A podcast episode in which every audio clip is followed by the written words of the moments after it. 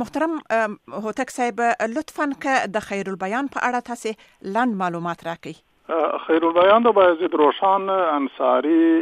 سیاسی او مذهبی خوځښت تیوریکی تاداو دی په اصطلاح بایزید روشان چې په خپل سیاسي او مذهبي مبارزه او په خپل سیاسي او ادبي مبارزه کې کوم اصول درلود کوم پرنسيبونه درلود هغه په خیر البیان کې د اسلامي شریعت له اصول او لارښوونې سره سم په څلور ژبو پښتو فارسی عربي او هندي کې بیان کړی دی بله بله او تکسیب د دې اثر څو خطي نسخې به په دنیا کې موجودي د دې اثر له بده مرغه ډېرې نسخې نه دي پاتې ځکه د په خپل عصر کې د روښاني خوځښت مخالفینو د هغه د لمنځه وړلو لپاره پراخې هلې ځلې کړې وې یوه نسخه یې د جرمني په ټوبینګن کې مولانا عبدالقادر مرحوم د پېښور د پښتو اکاډمۍ مشر هغه په نولس سوه اووه شپېته کال کې پیدا کړله چې هغه اوس په برلین کې پرته ده د هغې نسخې له مخې څخه پېښور پښتو اکاډمي هغه چاپ کړ او په کابل پوهنتون هم د هغه عکسي چاپ خبر کړی دی بل نسخه د هندستان په سالار جنگ موزیم کې د شاغلي زلمی هیوادمل په همت باندې پیدا سول او تقریبا څه د پاسه جرش کاله مخکې نو دا نسخه بشپړه ده په څلورو ژبو ده نو ګویا په دنیا کې اوس دغه دوه نسخې موجوده بله تاسو د دغه نسخه په باب چې تاسو خبره کړې ده ک لړ معلومات و درنو اوریدونکو ته ورکړي دا نسخه د خیر البیان البته هغه لومړی نسخه چې خبره سوله هغه یوازې پښتو برخه و صرف په سر کې د څلورو ژبو برخه و لومړی نسخه په خبرېدو سره هغه بیانونه چې مشته په تاریخي آثارو کې را رسیدلی و چې خیر البیان په څلورو ژبو دی او د دغه نسخه صرف یو جبه و څه شکوک او شبهات را ما بین تسول چا او چا نظرونه ورکړل چې اصلا په خیر بیان په څلور جو په ندی او چا آیات او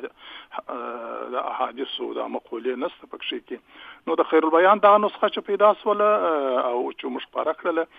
دا بشپړه ده په څلور سره جو ده نو په دې حساب هغه شبهات او هغه شکوک چې په خوا د دغه نسخې په باره کې موجود و هغه ټول منځه ولاړل او اوس موږ ته د خیر البیان یو بشپړ هغه نسخه چې په خپل روشان لیکل د زموږ په واک کې ده او تک صاحب د دې څه معلومیږي تاسو خو پر دې نسخه باندې واقعا یعنی ډیر کار کړی دی او ډیر زحمت مو استلی دی نو آیا د دغه نسخه د کاپی لپاره تاسو هندستان ته خپل ولاړ راست او که څنګه ولا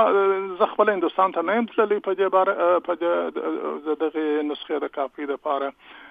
په اول سر کې کندهار په انتون ځوان استاد شاغلی محمد طاهر خان د یو څو برخې راته کاپي کړلې او هغه د ایمیل لارې راواستولې مګر د کاپي کېدو دروند بار او دا تقریبا ټول کار چې بشپړ کړ هغه پروفیسور عبدالخالق رشید صاحب نهایت ډیر زحمت په دې کار کې وېستي څو واره له ډیلی څخه ولاړلې و حیدرآباد د کنت سالار جنگ موزیم ته او سفرونه یې وکړل او د خلکو سره یې وکتل او سپارښتنې یې وکړلې او منډې تندې یعنی د دې نسخې د کاپي کار چې دی هغه پروفیسور عبدالخالق رشید صاحب د زیارو زحمت نتیجه ده زه ډیر ممنون یم او ټول پښتانه باید د د د هلو ځلو ممنون هم اوسي بله او ولې مو د دغه اثر چاپولو ته اقدام وکړلی او ضرورت یې په څو او د دغه نسخې اهمیت کوم راته وایاست وتک صاحب ما هم په نورو پښتنو کې دا خبره یو څه یاد کړل خو البته دا چون بشپړه نسخه ده په څلورو شعرو ژبو ده په هندي او په عربي او په فارسي او په پښتو باندې نو هغه روایتونه چې په خوا موږ د دغه نسخې په باره کې د روشاني نهضت د مخالفینو او د موافقینو د خوا څخه موږ اوریدلی و چې دا نسخه په څلور ژبو ده دا هغه اول چاپ لمخې څخه دا خبرې نه ثابتېدلې مګر اوس چې دا دوهم چاپ اوس موږ دا د سالار جنگ موزیم نسخه چاپ کړل دا د محققینو د پاره د ادبیاتو پوهنځي د استادانو د محصلینو د پاره په تدریس کې او د نورې څېړنې د پاره یو پوخ تاداوسو یو بیا نور د روشاني خوځښت محققین پر دغه نسخه باندې په بشپړ اعتماد او باور سره خپل څېړنې مخته بیولای شي او زه فکر کوم چې که څه هم اوس څنا وخت دی چې دا اثر خپور سو